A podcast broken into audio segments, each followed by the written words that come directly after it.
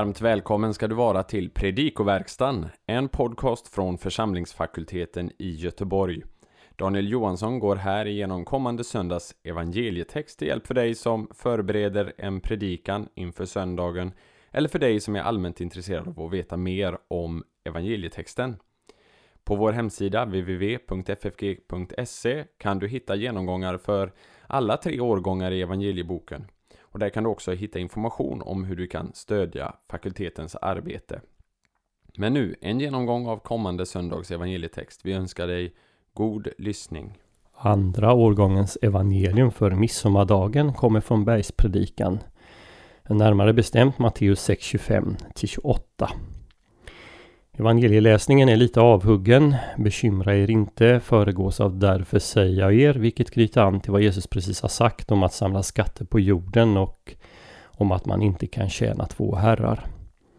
Likaså saknas de fyra sista verserna i avsnittet som bland annat nämner att man först ska söka Guds rike och hans rättfärdighet och orden om att man inte ska oroa sig för morgondagen. Avsnittet som helhet eh, med eh, de eh, följande fyra verserna har en tydligt definierad struktur som på samma gång är elegant, pedagogisk och retorisk.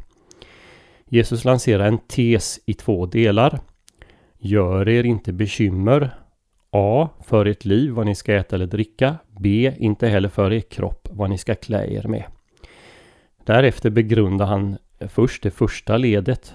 A genom en jämförelse av människors oro för föda med fåglarnas obekymmer.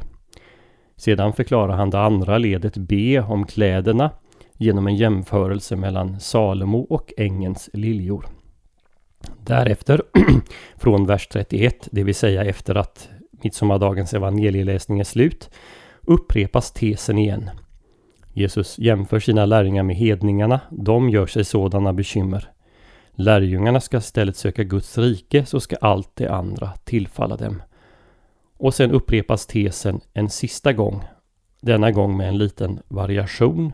Gör er alltså inte bekymmer för morgondagen. Vad vi har är alltså en kort tes i två led som begrundas och upprepas två gånger i de nio verser som följer.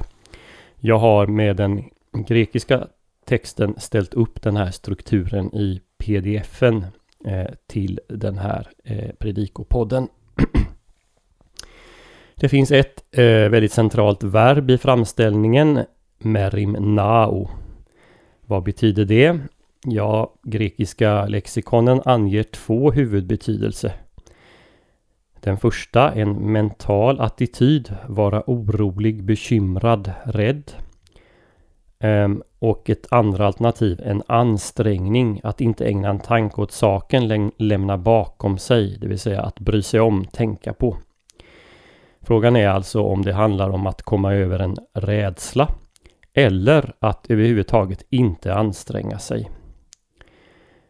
De flesta parallellställen som använder verbet, liksom Jesu kommentar att eh, hans lärjungar har en liten tro, talar för den första tolkningen. Och det är också den linjen som har dominerat i kyrkans tolkningstradition.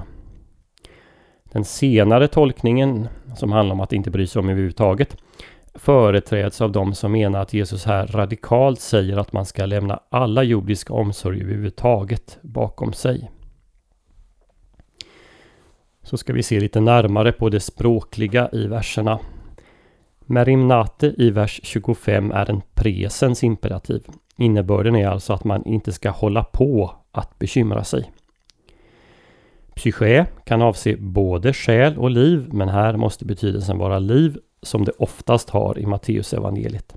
Till exempel i den mycket centrala utsagan i Matteus 20.28. Psyché står alltså inte i kontrast till soma, kropp, senare i samma vers utan snarare som en parallell. Frågorna ti faggete, ti piete, ti endyseste, vad ni ska äta, dricka och klä er med, eh, de står alla i konjunktiv. Här får man tänka sig att Jesus återger vad åhörarna skulle ha frågat i första person. Vad ska vi äta? Eh, något som Jesus också gör i vers 31 där det står Ti faggomen, vad ska vi äta? Och så vidare. Denna typ av överläggande frågor använder sig av konjunktiv på grekiska. Den grammatiska termen för det här är deliberativ konjunktiv. Genitiverna tes, eh, trofes respektive to endymatos i slutet på versen är jämförelsens genitiv. Verbet diaferro i vers 26 betyder att bära igenom. Intransitivt har det betydelsen skilja sig från. Jesus ställer här en retorisk fråga. Skiljer ni er inte mycket ifrån dem? Innebörden tog det vara, är ni inte värda mycket mer än det? Helikia i vers 27 kan avse livslängd men också kroppslig längd. De flesta argumenterar för den förra betydelsen då Jesus talar om det som har med livets uppehälle att göra. Till stöd för den kroppsliga längden är ändå att Jesus talar om att förlänga längden med just ett längdmått. En päskys var 46 centimeter ungefär, ungefär en aln. Bilden är begriplig om man betraktar livet som en resa. Inte ens en halv meter kan vi lägga till vår livsresa med våra bekymmer. Avsnittet har delat kommentatorerna och bibelutläggarna. Det är på en och samma gång ehm, ett av de mest, en av de mest prisade delarna i bergspredikan och ett av de mest kritiserade ställena i evangelierna. Johannes Weiss skrev i slutet av 1800-talet så här. Varje liten svältande sparv motsäger Jesus. Avsnittet har kallats ett uttryck för ekonomisk naivitet, en uppmuntran till lathet och så vidare. Sådana uttalanden frigör i regel Jesu ord om att inte bekymra sig ifrån sitt övergripande sammanhang i bergspredikan och evangeliet överhuvudtaget. Några saker är viktiga att lägga märke till här, särskilt vi som lever på 2000-talet. Jesus talar om det som är nödvändigt för livets uppehälle.